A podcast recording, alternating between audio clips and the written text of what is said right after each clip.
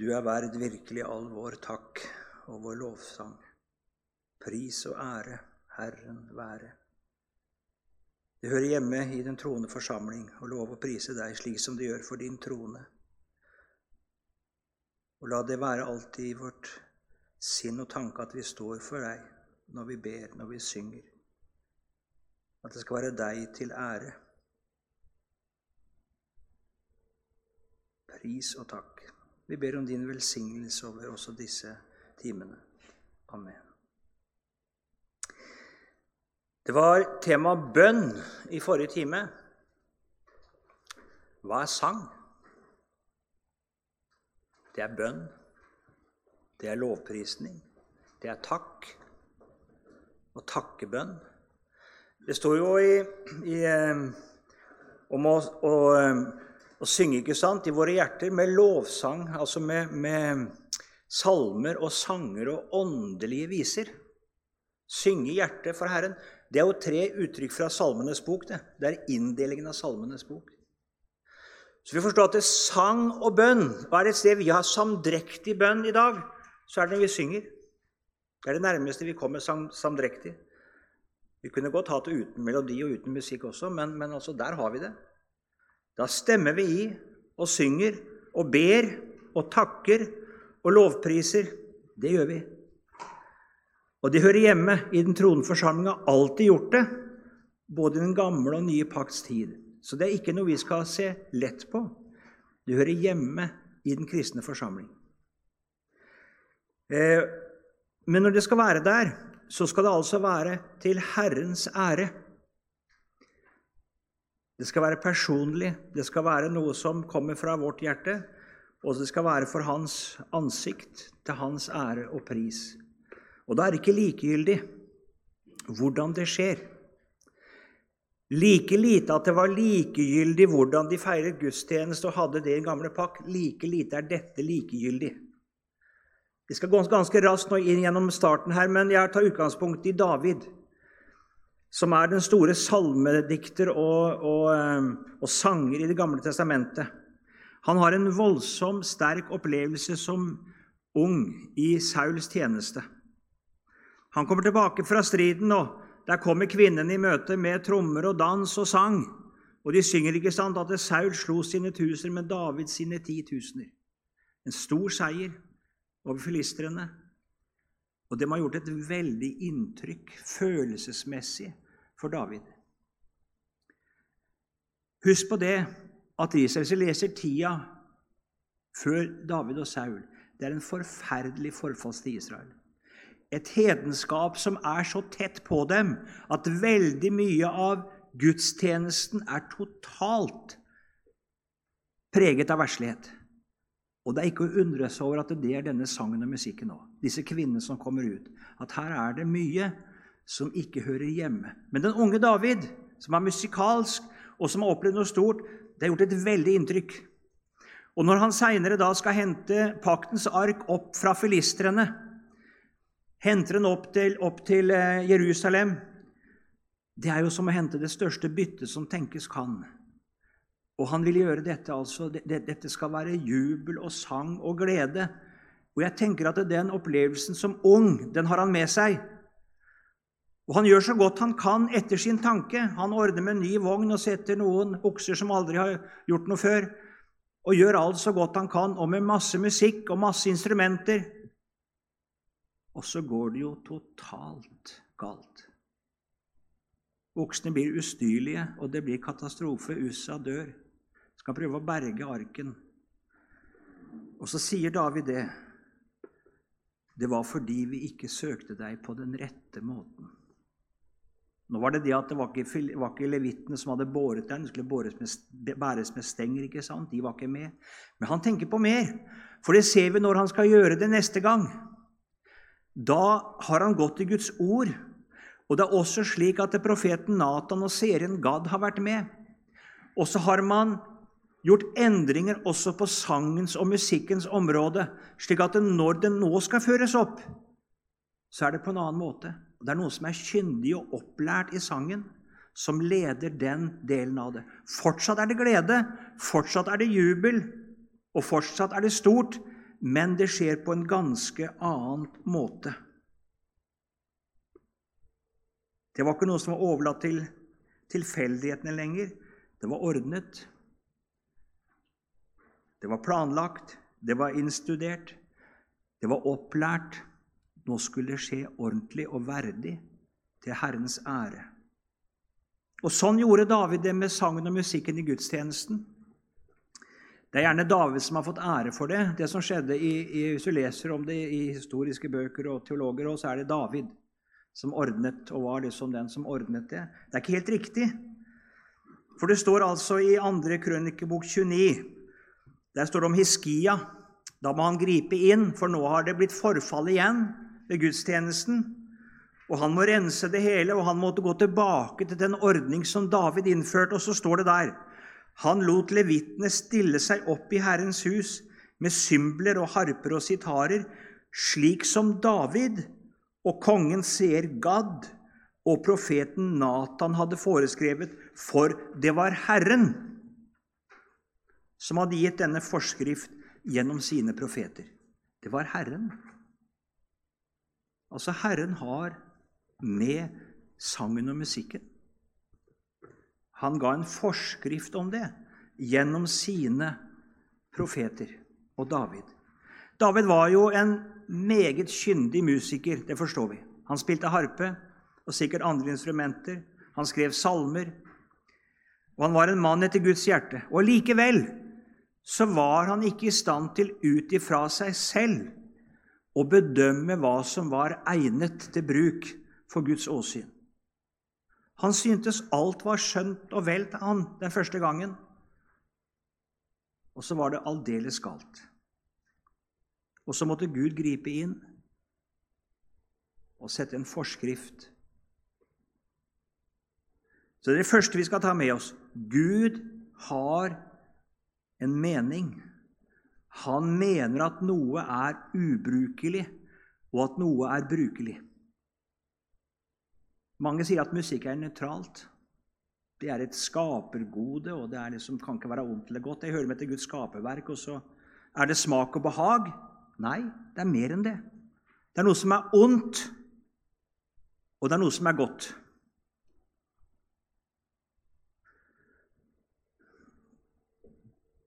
David han overlot ledelsen av sangen og musikken til en annen, til en som var kyndig til det, står det.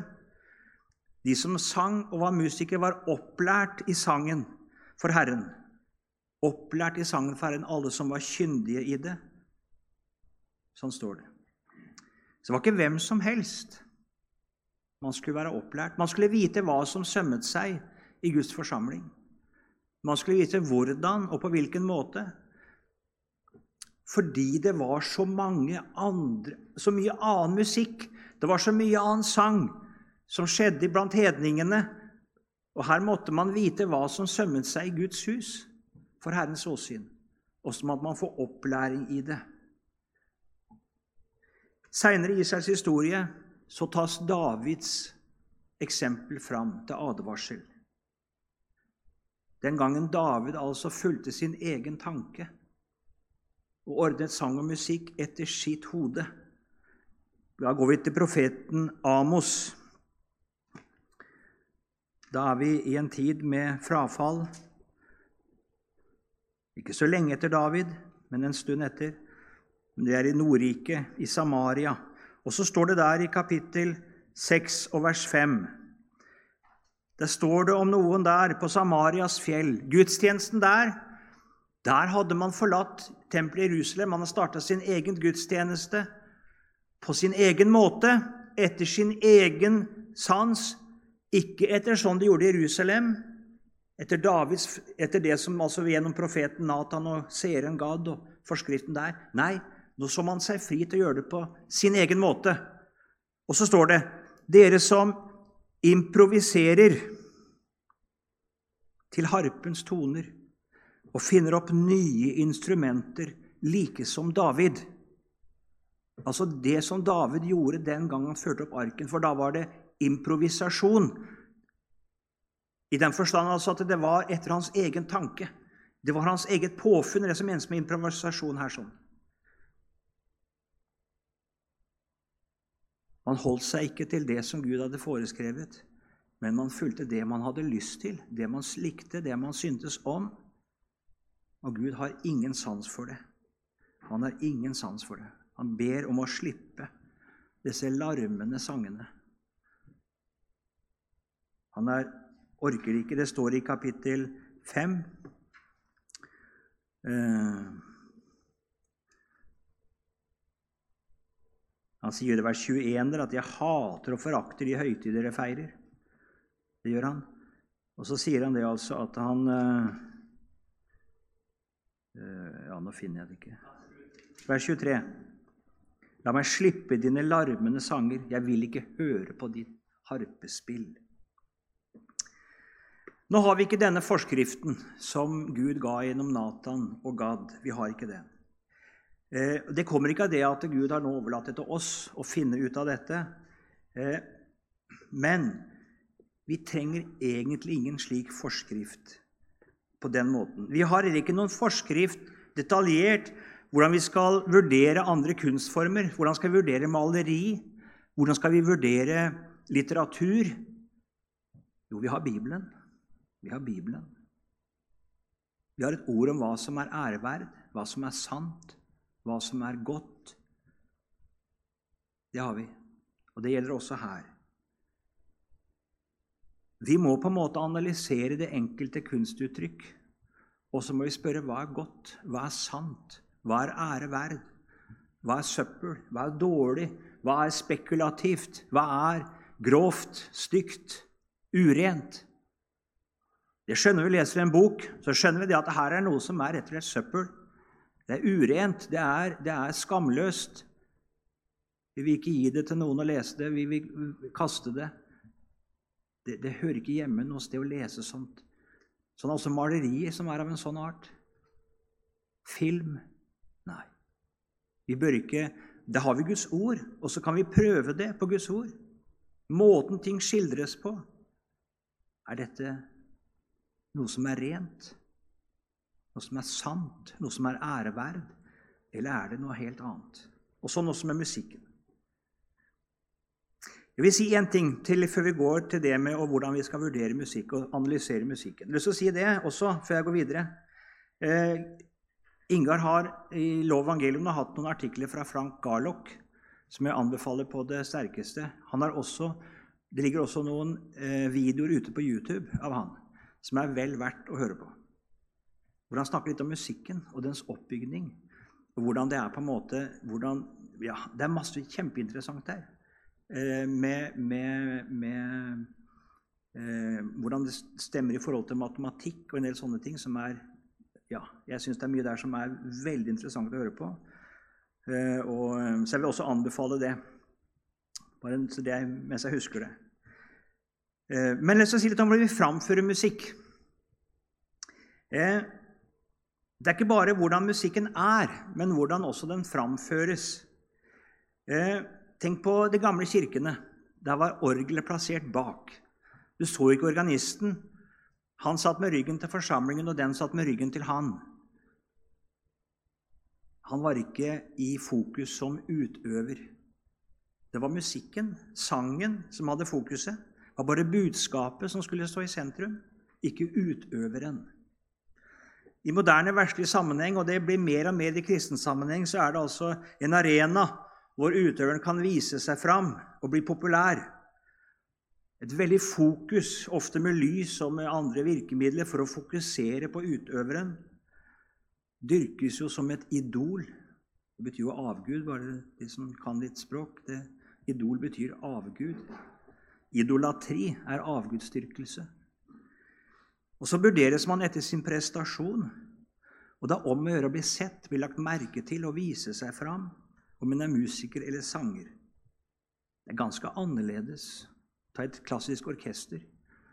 Der, den, der er det helheten. Der er det, der er det, å finne sin plass der, og, for, og at skal eh, Musikken skal stå i sentrum, ikke utøveren på den måten. Den moderne musikken er et enormt artistfokus. Enormt. Og det preges langt inn i kristenheten. Og Legg merke hvordan sangstilen har endret seg. Vi sa ofte det før, at du skulle høre på et barn når du skulle høre på sang. Det puster riktig, det synger naturlig riktig. Det kan du ikke lenger si. For fra de er knøttsmå i dag, så lærer de å stønne ut og, og skli på altså det, det, er, det, er, ille å høre på, syns jeg. Hvordan mange barn i dag de er ødelagt. Jeg lurer på om de noen gang kan lære seg å synge riktig. For de har lært seg å synge på en sånn sensuell, stønnende, hes måte. Som aldeles ikke er naturlig, men som hører hjemme et helt annet sted enn der Gud skal æres. Der er det mennesket og det ja, vil si altså det, det sensuelle og seksuelle preget ved mennesket som, som, eh, som ligger. Man setter tonen an og sklir seg opp. Man bruker stemmen til å lage en rekke altså oppmerksomhetsskapende effekter. Det er som om sangeren sier, 'Hør! Legg merke til meg! Se meg!' Slik at det tekst, melodi, musikk blir underordna, for det er sangeren som er i fokus. Det er som en predikant som er mer opptatt av sine talegaver av sin måte å si det på.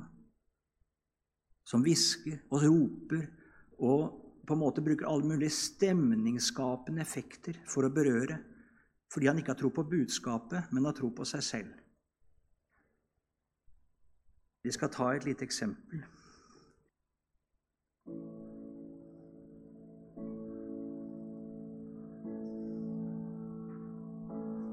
Det er makt i de foldede hender. I seg selv er de svake og små. Men mot alle maktens Gud du dem vender. Han har lovet at svar skal du få. Det er svar underveis Engler kommer med bud. Om det drøyer dog fram, det skal nå. For det lovet jo løftenes trofaste Gud. Kall på meg, og du hjelpen skal få. Jeg får assosiasjon til en som sitter på do og trykker og presser ut det han skal. Ja. Men det er sånn det synges i dag. Eh, veldig sånn sensuell, veldig mye luft på stemmen. Veldig mye rytmeendringer. Veldig fokus. Nå er det en gammel innspilling jeg har nå. Jeg er noe, det er ikke verdens beste, syns jeg, men eh, bare som motsetning.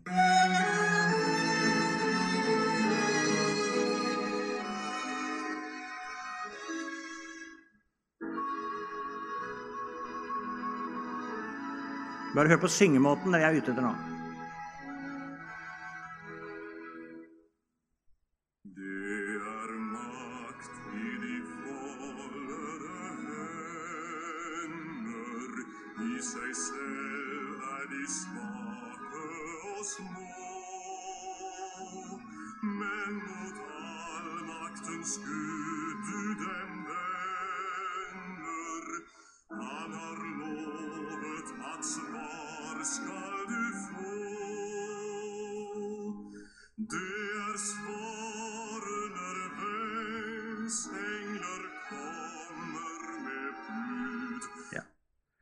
Dere hører forskjell? Her er det helt klart at det, jo da, det lager Vedin han visste også han var en god sanger og, og, er nok ikke fri for at han ikke vil vise at han har en god stemme, men det er allikevel en helt annen vekt på budskapet, hvordan han uttrykker teksten, hvordan han eh, Korsang.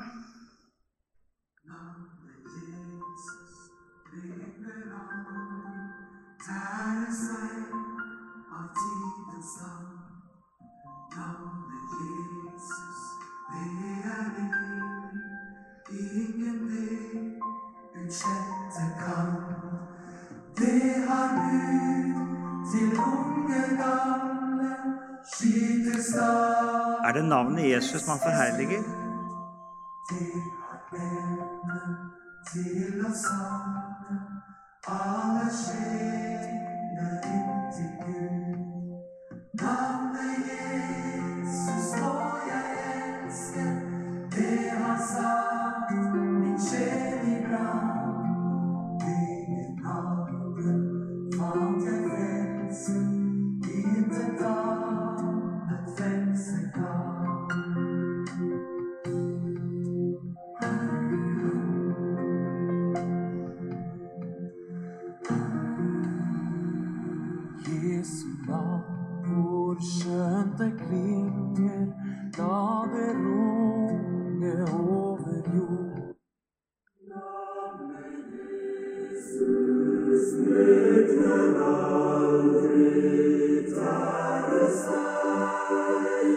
Det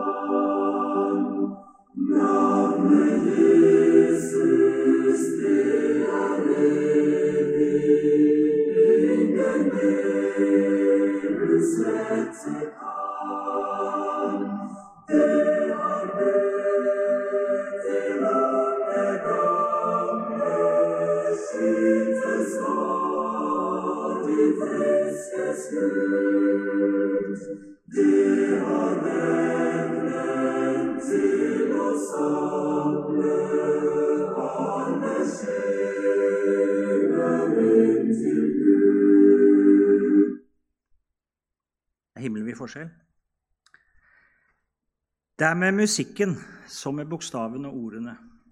De enkelte toner, rytme, lydstyrke, instrumenter er i seg selv verken onde eller gode. Som bokstavene, blyanten eller tastaturet eller grammatikken, det er ikke ondt eller godt. Det er skapergoder, er kulturgoder. Det er riktig. Vi skal få bruke dem. Men når vi setter dette sammen, setter bokstavene sammen til ord, setter ordene sammen til setninger, så kan vi av disse elementene lage pene, gode, sanne, rene tekster. Og vi kan lage stygge, urene, vulgære, heslige tekster. Med de samme bokstavene. Det er spørsmålet hvordan vi setter det sammen. Hvordan vi føyer det til hverandre. En tekst behøver ikke være kristen for å være ren og sømmelig, oppbyggelig i menneskelig forstand. Nei, det kan være en god tekst, det kan være en fin tekst, en sann tekst. Selv om ikke den er spesielt kristen. Men den er sant menneskelig, ren, ære verd.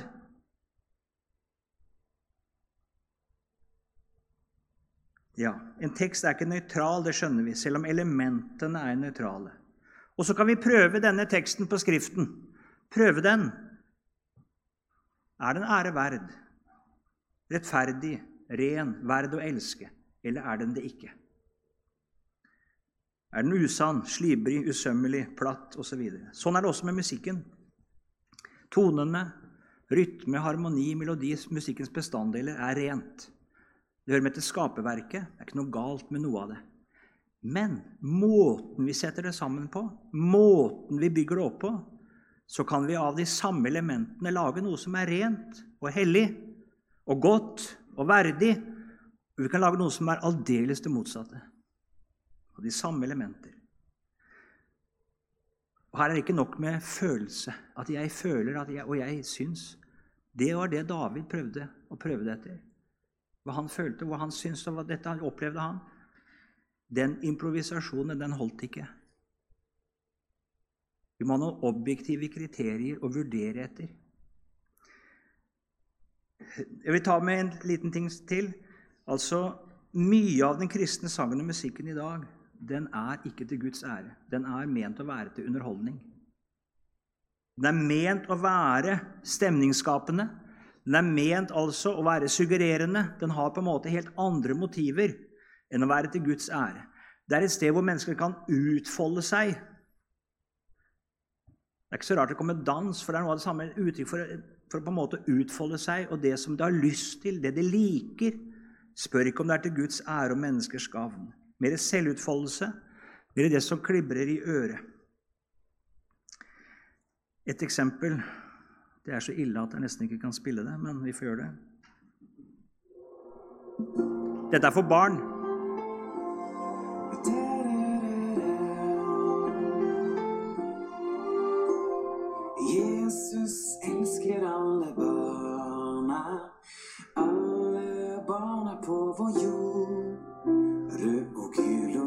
Svart er det samme, har han sagt. Jesus elsker alle barna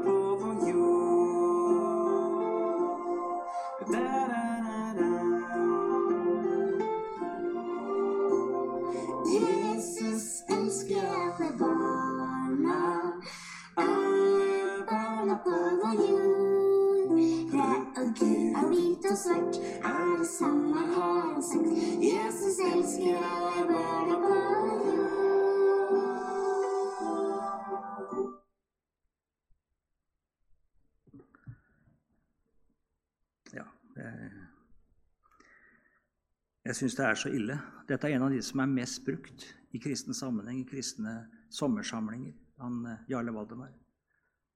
Eh, Og jeg syns dette er forferdelig. At barna skal lære dette og møte dette. Eh, Det er ikke Jesus og det han har gjort, som blir sentrum her. Det er helt andre ting det spilles på av strenger.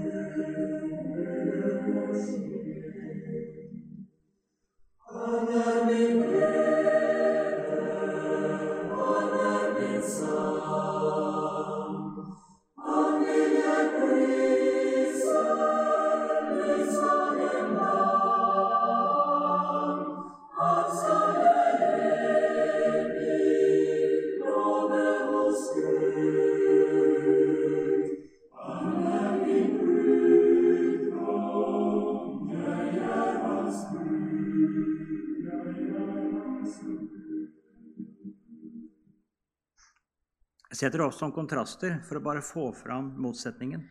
Det første kunne vært på en dansebandfestival eller et uh, gammeldans på lokalet. Eh, for det er alt, akkurat de samme virkemidlene. Uh, eller på byen. Det er akkurat den samme kroppsfikseringen, sensualiteten. Hør på syngemåten til, til uh. Rune Larsen. Eh, eh, og Det er den popkulturen og den hele fokuset som er der. Og så får du da, Nå må ikke alle kor synges som skrukk, for det er ikke så mange som klarer.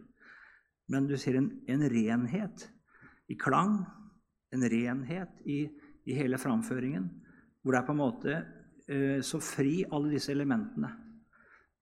Og Det setter opp for å se motsetningen. Eh, vi gjør oss ferdig først, og så tar vi samtale etterpå. Er det greit? Jeg skal prøve å være kort. Eh, vi skal se litt da på dette elementene. Vi skal begynne da å se på det. Det er eh, velkjent at musikk består av tre deler. Det er rytme, harmoni og melodi. Og vi begynner med, rytmen. Altså, alt liv har rytme. Hvor mange, mange er det som har tella hjerteslagene sine i dag her? Eller pulsen? Hvis dere er friske, så er det ingen av dere som har gjort det. For du tenker ikke over at hjertet slår. Du tenker ikke over pusten din. Den er der. Det er en del av livet. Det er når hjertet hopper over et slag, når du får hjertearytmi.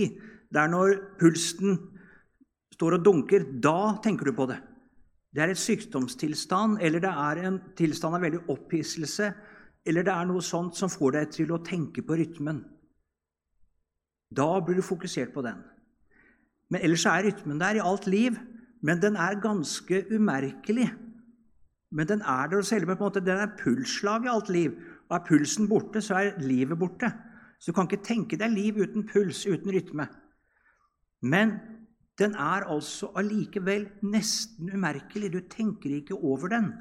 Fordi den er så i pakt med naturen, pakt med livet, at du bør ikke, du bør ikke reflektere over den engang. Den naturlige puls når vi synger, det er at vi setter an på en måte har betoning på første og tredje taktslag. Navnet Jesus. Tung, lett, tung, lett. Det er det helt naturlige. Det kommer aldeles naturlig. Du bør ikke lære noen det. For det er sånn det er naturlig for oss. Det er helt i pakt med den naturlige rytme. Og det faller av seg selv. Det som er typisk for den moderne musikken, det er at den opponerer mot den naturlige rytmen. Den vil bryte med den naturlige rytmen, og det skaper nettopp fokus på det fysiske. Akkurat som du merker når hjertet kommer i arytmi, da, da begynner du å kjenne på det. Når pulsen slår, da begynner du å kjenne på kroppen. Ellers så tenker du ikke så mye over kroppen din. Den kan få lov til å leve ganske sitt rolige liv. den. Du har fokus andre steder. Men når du er syk, når det er noe som treffer deg her, da fokuserer du på det. Det gjør den moderne rytmiske musikken. Den får deg til å fokusere på kroppen. Og den har en rytme noe av den er en rytme som dels tilhører opprøret, dels tilhører seksuallivet. For seksuallivets rytme er annerledes. Den er ganske ekstatisk opphissende. Og det er også rytmen i denne musikken. Det er ikke uten grunn at det heter rock and roll, for det, er, det har to ting. Det er, eh, men det er først og fremst så er det et slanguttrykk også for samleie. Og jeg syns den første store rockeslageren den sier veldig mye om hva som er poenget med denne musikken. Den heter 'Rock Around the Clock'. Og det er nettopp, Den forteller om opprøret. For der sier man nettopp det i sangen at om klokka blir 7, 8, 9 på kvelden, 10, 11, 12, 1, 2, 3 på natta altså Poenget vi legger oss ikke. Vi vil bare feste. Vi vil, bare, vi vil være oppe. Vi vil gjøre som vi vil. Hva foreldre sier, hva lærere sier, det bestående vi bryr oss ikke.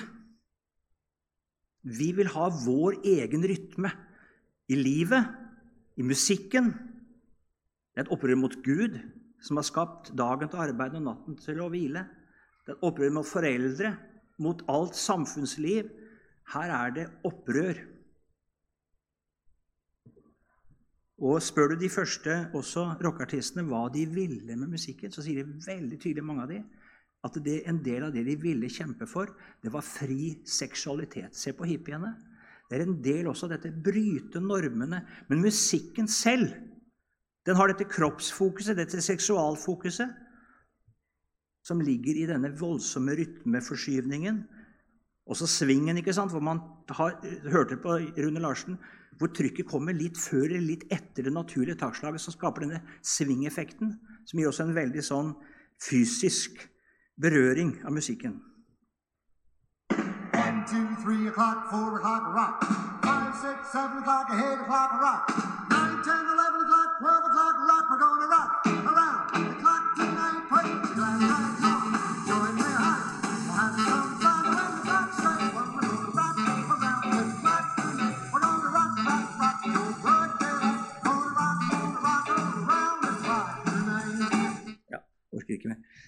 det der, hele tida er det trykk på ikke på den første, men det kommer litt etter. Det kommer forskyvning av rytmen hele veien. Og det får et veldig kroppsfokus. Dette kommer langt inn i kristen sammenheng. Jeg var med et kor i min ungdomstid. Vi skulle øve i den her sånn, som jeg kan spille for deg nå. Det hadde vært en forkynner og talt ganske alvorlig. Det var i dagens Nordmisjon, Indremisjon den gangen. Alvorlig til vekkelse.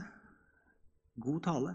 Fredagskveld, lørdagskveld, lørdag morgen all løssluppenhet, flørting og liksom sånn ja, Det ble stille. Mange hadde fått noe å tenke på. Og så skal vi øve inn en ny sang i dette TenSing-koret. Den som jeg skal spille nå. Det gikk fem minutter. Så det var helt alt av alvor.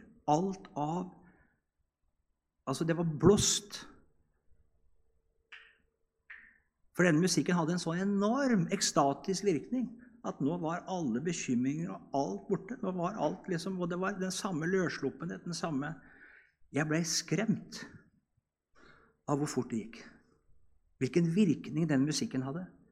Det skulle synges på Kvelde bedehus på kvelden. Jeg orker ikke, jeg går ut. Og så kommer det ei jente. Hun er ikke fra noe kristent hjem. Og så sier hun til meg det. Kunne ikke du heller være der inne? Det var som djevelen selv var der. Det var det.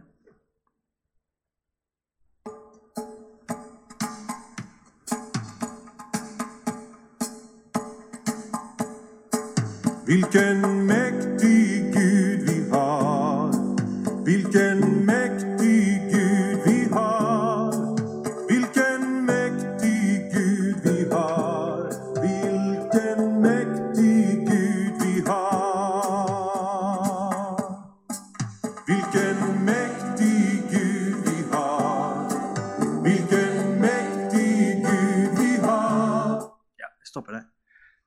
Hører med, eh, instrumentet Du er som du er i mørkeste Afrika. ikke sant? Det er, og det er helt Jeg har vært med på en annen sammenheng. Da var det helt åpenbart blitt en lang sekvens med afrikanske trommer. Man legger ikke skjul på engang hvor man har inspirasjonen fra. Det er fra en helt hedensk kultur. Denne her øker i styrke, den øker i tempo, den øker i suggesjon. Og den er altså så spekulativ i hele sitt vesen. Men vi har andre eksempler. Nå tar vi sammenlignende eksempler. Hør på rytmikken. Pianospillet.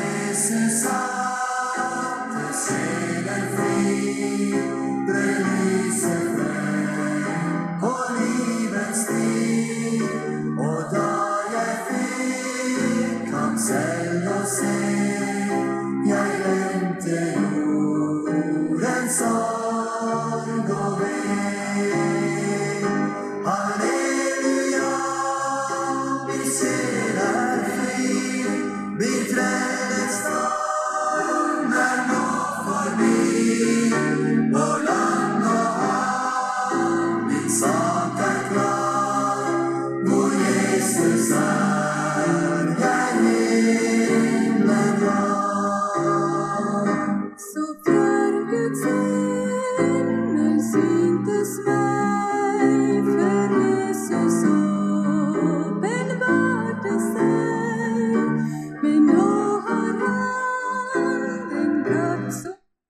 merke at pianoet ligger litt etter hele tida. er? Eller foran. Altså hele tida i utakt. Bevisst utakt. Den som synger. For å få den svingeffekten. Og så kommer den Eller den stopper, og så kommer den plutselig med noen raske slag. Dette her er bevisst. Dette er ikke bare, dette er altså et, et rytmefokus, et kroppsfokus, som er enormt. Da Jesus satte sjelen fri, brøt lyset fram på livets sti.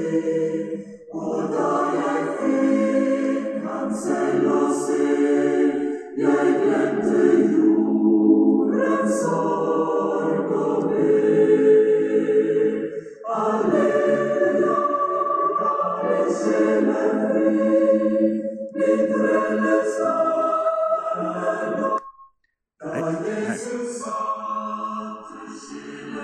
Det er rytme her også, men den har ikke den Den, den er altså mer den er i pakt med det naturlige, og du tenker ikke så mye over at det er rytme.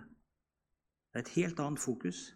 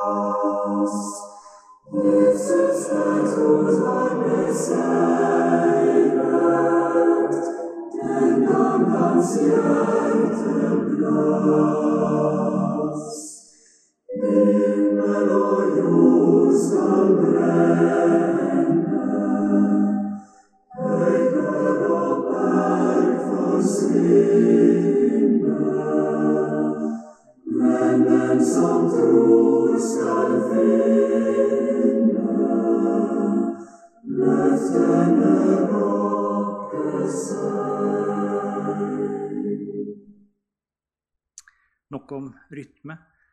Harmoni, den naturlige harmoni, den er også det skjønne, det vakre, det, det som er i samstemthet. Sånn er det i Guds verden.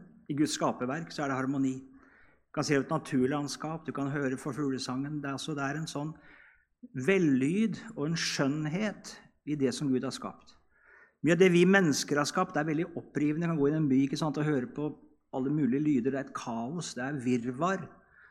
Og, og, eh, men det naturlige, der det er det Gud har skapt, så er det noe som får sinnet vårt. Gjør sinnet vårt godt. Sitte ved et kveld, en kvelds, ikke sant, eh, kveld ved et vann, eller se utover et høstlandskap, eller bare se utover noen åkrer. Eller, ja. Også mennesker imellom så opplever vi at det er godt, så vi, er vi i harmoni. Det er samstemt. Det er på en måte, det kan være spenninger og uenig, altså noen sånne ting, men allikevel så det er det harmoniske som preger det. Og Sånn er det naturlige klangen i musikken. Den er på en måte den er i, i, i pakt med skaperverket.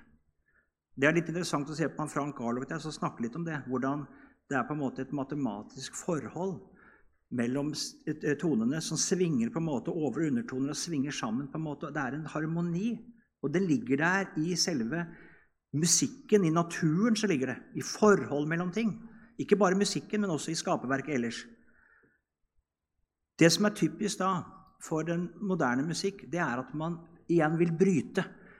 Man vil ikke følge dette. Hvis du leser om hvordan f.eks. Mozart eh, han, han, han, lar seg, han skriver at det, det liksom, han tillater seg aldri å bryte med det som er på en måte er det skjønne. Altså, Du kan gjøre mye med musikk og veldig mange ting, men det skal holde seg innenfor lovverket. Innenfor det naturlige, innenfor det som er på en måte det gode, det skjønne. Han er én hvor han bryter totalt, og den kaller han en, en musikalisk spas. Så slutter de en skjærende Da bryter han på en måte, men han gjør narr av alle de som prøver å leke med alt dette her. Sånn Sånn vil ikke han holde på. Og så når han slutter som han, jeg har holdt narr av dere, jeg kan det bedre enn dere hvis jeg ville, men dette er bare tull. Det er ikke sånn musikk jeg vil lage. Det er under min verdighet. Det er så mye spekulativt her. Han ville ikke det. Men nå er man så nedrig, så lav. Det er liksom, Man vil bryte alt. Man vil lage så mye klang og så mye spenning og så mye klissent og så mye Det er liksom ikke det skjønne, det harmoniske, det rene. Tvert imot. Jo mer Jeg skal ta et eksempel her. Da er vi altså Jeg tenker at uh, Erik, i din tid i Staffels gate, så var dette Arne Domnerus.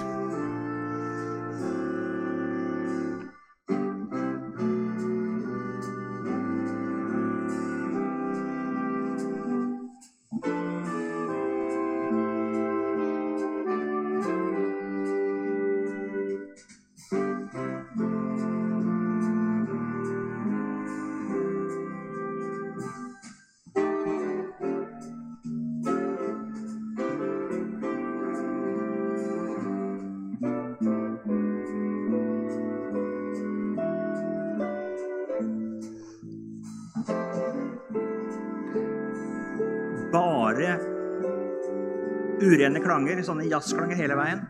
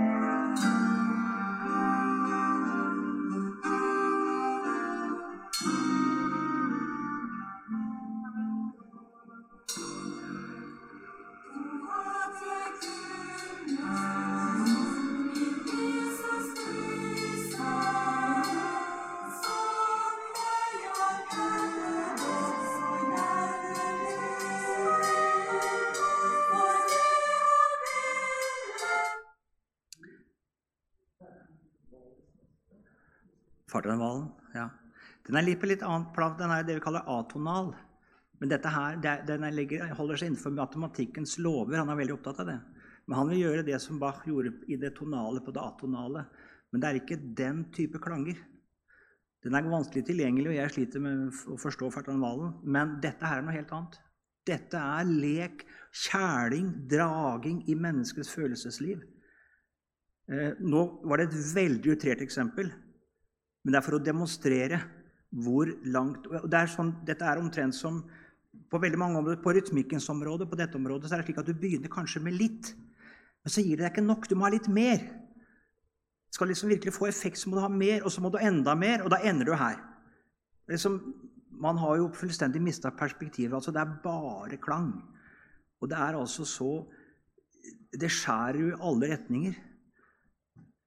Det var minikoret fra Storsalen med Arne Domnerus. Og det går an å synge det på en annen måte.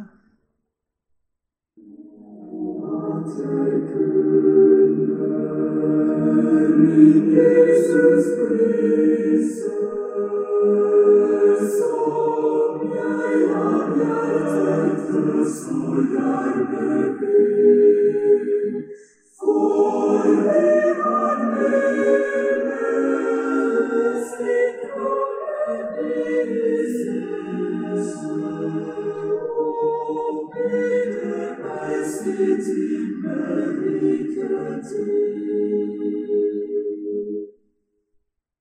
Harmoni her også.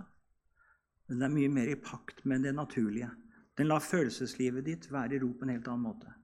Jeg blir ganske opprivet jeg, når jeg hører det første der. Jeg føler at alt her sånn det, det er en slags, på en måte, en, en slags eh, ja, kjæling og, og draging på følelseslivet. Også, det veltes rundt. Jeg sier av og til at det skal beskrive deg som en tørketrommel der inne som velter rundt og alle, allting. Jeg får ikke lov til å falle til ro i mitt følelsesliv. Og Fokuset blir på det. Kjenner og føler etter hele tida. Sånn er jo jazzen og bluesen. ikke sant? Den ligger her sånn. At det er det den er opptatt av. Og den skaper et veldig på en måte, fokus på følelseslivet. I kristen sammenheng er dette livsfarlig. Et lite eksempel. Jeg, jeg var dårlig forberedt til en korøvelse for noen år siden, mange år siden nå, i Fosneskoret. Og så har vi hatt noen sanger av eh, av eh, Arne heter han da? Ja, nordmøring. Arne Stensø. Flotte arrangementer og flotte melodier. Og så drar jeg en av Arne Stensø. Men det er ikke Paul Sander Olsen eller en av disse som harmoniserte, men det er en annen. Og jeg oppdager det ikke før jeg står på øvelsen. Og så begynner vi å tenke å nei, dette var klinklang, dette var søtladen, dette var bare føleri. Og jeg ser på teksten det er jo ingenting. Det er jo ikke noe budskap av substans. Og så sier jeg til koret nå har vi øvd litt på det, vi skal ikke bruke den. Vi skal gjøre det en test som jeg har hatt lyst til å gjøre, men ikke hatt samvittighet til å gjøre. Men når vi først har øvd den såpass mye vi har gjort nå, et kvarter 20 minutter, så skal vi synge den på møtet til lørdag eller når det var. Da er det pause. Og vi skal synge den før pause. Og jeg skal si dere på forhånd hva som kommer til å skje. Den sangen her, harmoniseringen her, er så følelsesladet at det her vil mange føle seg veldig berørt. Se på teksten. Den fins ikke et eneste altså Det fins ikke et klar forkynnelse av frelsen i Jesus. Det er bare føleri også i teksten. Den passer sånn sett til musikken. Men jeg er overbevist om at flere kommer til å si at de kjente seg så oppbygget, og at de vil gjerne at de skal synge den igjen. Det kan jeg si på forhånd. Og det gikk akkurat sånn. Å, de var så velsignet. Å, de ble så oppbygget. Jeg kan si det, kunne si det på forhånd. Det var musikken som hadde rørt dem følelsesmessig. Jeg hadde ingenting med det bibelske budskapet, for det fantes ikke i teksten. Men de hadde en følelsesmessig Å gi mennesket sånne surrogat i kristen sammenheng er livsfarlig. Man tror at man har hatt en åndelig opplevelse, og så er man rett og slett bare berørt kjødelig. Man er suggerert. Og det fins så mye av det i kristen sammenheng. Den var ikke på langt nær der vi er nå. Den var ganske altså forsiktig og allikevel så over grensen for meg at det var umulig for meg å bruke det. Jeg kunne si på forhånd virkningen, for dette har virkning. Musikken gir virkning. Når man går utover det naturlige, så er det noe den setter i bevegelse. Rytmikken setter kroppen i bevegelse. Harmonien, når den altså er masse klisne, tette akkorder, så setter den følelseslivet i bevegelse. Det melodiske til slutt. Det er ikke så lett å beskrive. For det er ikke klang, det er ikke rytme, og likevel så er det selve linjeføringen. Og det er, Vi kan sammenligne med mennesket, så vil jeg si at mens rytme svarer til menneskets fysikk, så svarer altså eh, harmonien til menneskets syke. Og så svarer melodi til menneskets ånd. Ikke tenk da ånd som noe guddommelig, men tenk på altså at vi er, vi er et åndsvesen. Vi har et åndsliv. Det hører altså med til, og det er noe som er særlig for mennesket, at mennesket har et åndsliv. Vi er skapt til samfunn med Gud, vi er skapt til å være ansvarlige. Vi er skapt til å ha eh, med åndsevner som skiller seg fra dyrene. De har ikke det. Og derfor også eh, eh Det melodiske det er noe som på en måte derfor jeg vil si at Der hvor man er opptatt med det, så sier også noe at det er bevisst menneske som ånd. Der man ser på mennesket som en haug med følelser, som vil man gjerne kretse om det harmoniske. Der man ser på mennesket først og fremst som noe dyrisk, noe som kropp, seksualitet, så vil det være naturlig at det er rytmen. I vår tid så ser man på mennesket som dels som et rent dyr med dyriske begjær, med noe som fysiske drifter. Det er ikke rart man dyrker rytmen. Eller som en haug med følelser. Man har ingen forståelse for at mennesket er ånd har et åndsliv, er skapt et samfunn med Gud. Nei, det fornekter man. Og så er det ikke rart at du har musikk som er rap, som er totalt melodiløs. Det er liksom bare rytme og harmoni, ikke noe melodi nesten i hele tatt. Det er mer snakkende.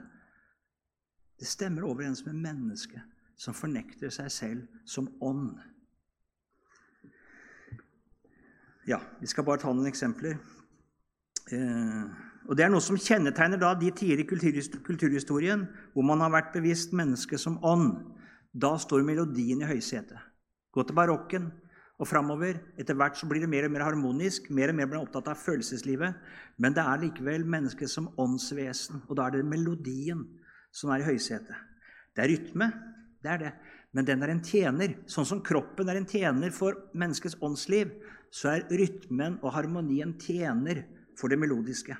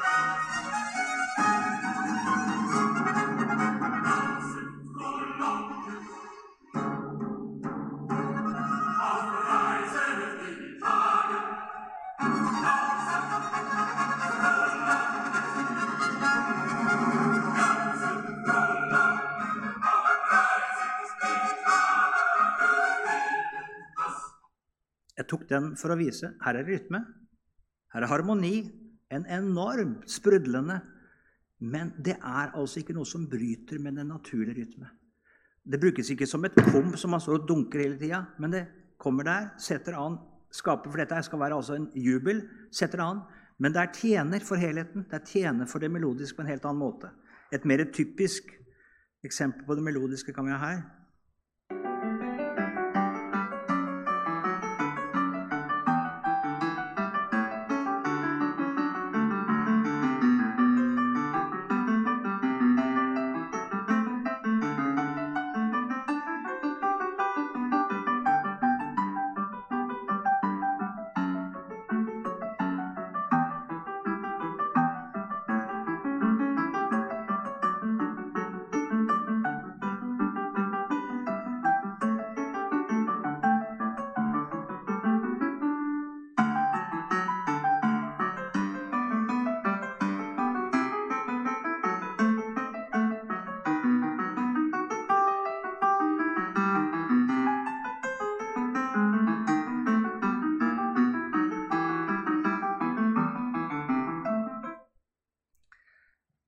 Som er typisk er linjeføringen, så går det en stemme i bassen, går en stemme i melodien, og så er det på en måte det hver sin rytme, hver sin, men det klinger, og det er helheten, og det er det melodiske linjeføringen som er det sentrale. Det er typisk. Luther var veldig begeistret for den type musikk. Han snakket om det er som ulike stemmer sier han, som ut, har en himmelsk dans. Han sier liksom de svinger seg om hverandre, disse stemmene. For Det er det melodiske, og det er det som preger mennesket som åndsvesen. Det er det melodiske sentrum. Sånn er det ikke i vår tid. Nå er det bare kropp.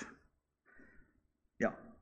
Jeg kunne hatt brukt mye mer tid på det, her, men vi skal ha det i samtale. Men jeg skal bare ta et eksempel. Hvor langt går det? Jeg sa det at eh, der man forlater dette og skal ha, søke på en måte gjennom musikken å få et kick, enten på det følelsesmessige havner der som Domnerius er, hvor det er bare klang, eller man havner i en rytme som er så totalt dominerende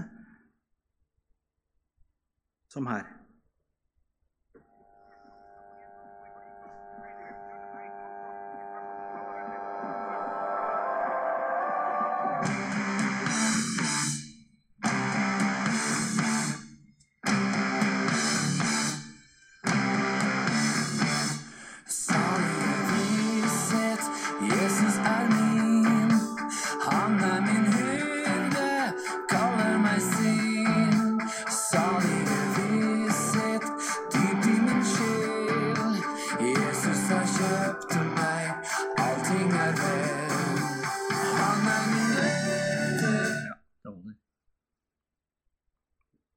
Det er ikke nok, Man kan ikke få nok av det. altså. Det er liksom bare eh, For ellers så sier det meg ingenting.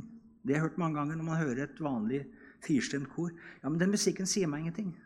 Nei. Den taler ikke til kroppen din. Den taler ikke til følelsene dine. Den lar det få lov til å være i ro. Ja, men den sier meg ikke noe. Nei, for det er ikke poenget med den musikken. At den skal pirre deg. Du skal ha ditt fokus et annet sted. Du er et åndsvesen. Du er ikke et dyr. Du er et åndsvesen. Du skal bli stille. Du skal lytte. Du skal få sinnet ditt vendt et helt annet sted, vekk fra det som skaper begjær. Fra det legemlige følelseslivet. Mange tror at det åndelige musikk da er i følelsesmessig nesten henført. Og jeg har hørt det. Mange tror det. At musikklagsang, som er mye mer sentimental, litt sånn klang, det er åndelig musikk, for da kjenner man, da føler man. Nei, det er følelses. Det er altså et helt annet fokus. La det ligge, legg det vekk. Akkurat som en predikant skal være forsiktig med å bruke for mange rørende, smektende historier som skaper fram tårene. For det er ikke det som skal føre til omvendelse og tro. Det er budskapet om Jesus. Men her er det musikken. den er altså et, Der er det så lett å erstatte og få fokus et annet sted. Og Da havner vi der David var. Vi improviserer, finner vår egen. Det syns vi er flott. Det passer oss. Men det passer seg ikke i Guds hus. Det passer seg ikke for Guds ansikt. Der er det Han som skal være i fokus, og så skal vi være stille med vårt.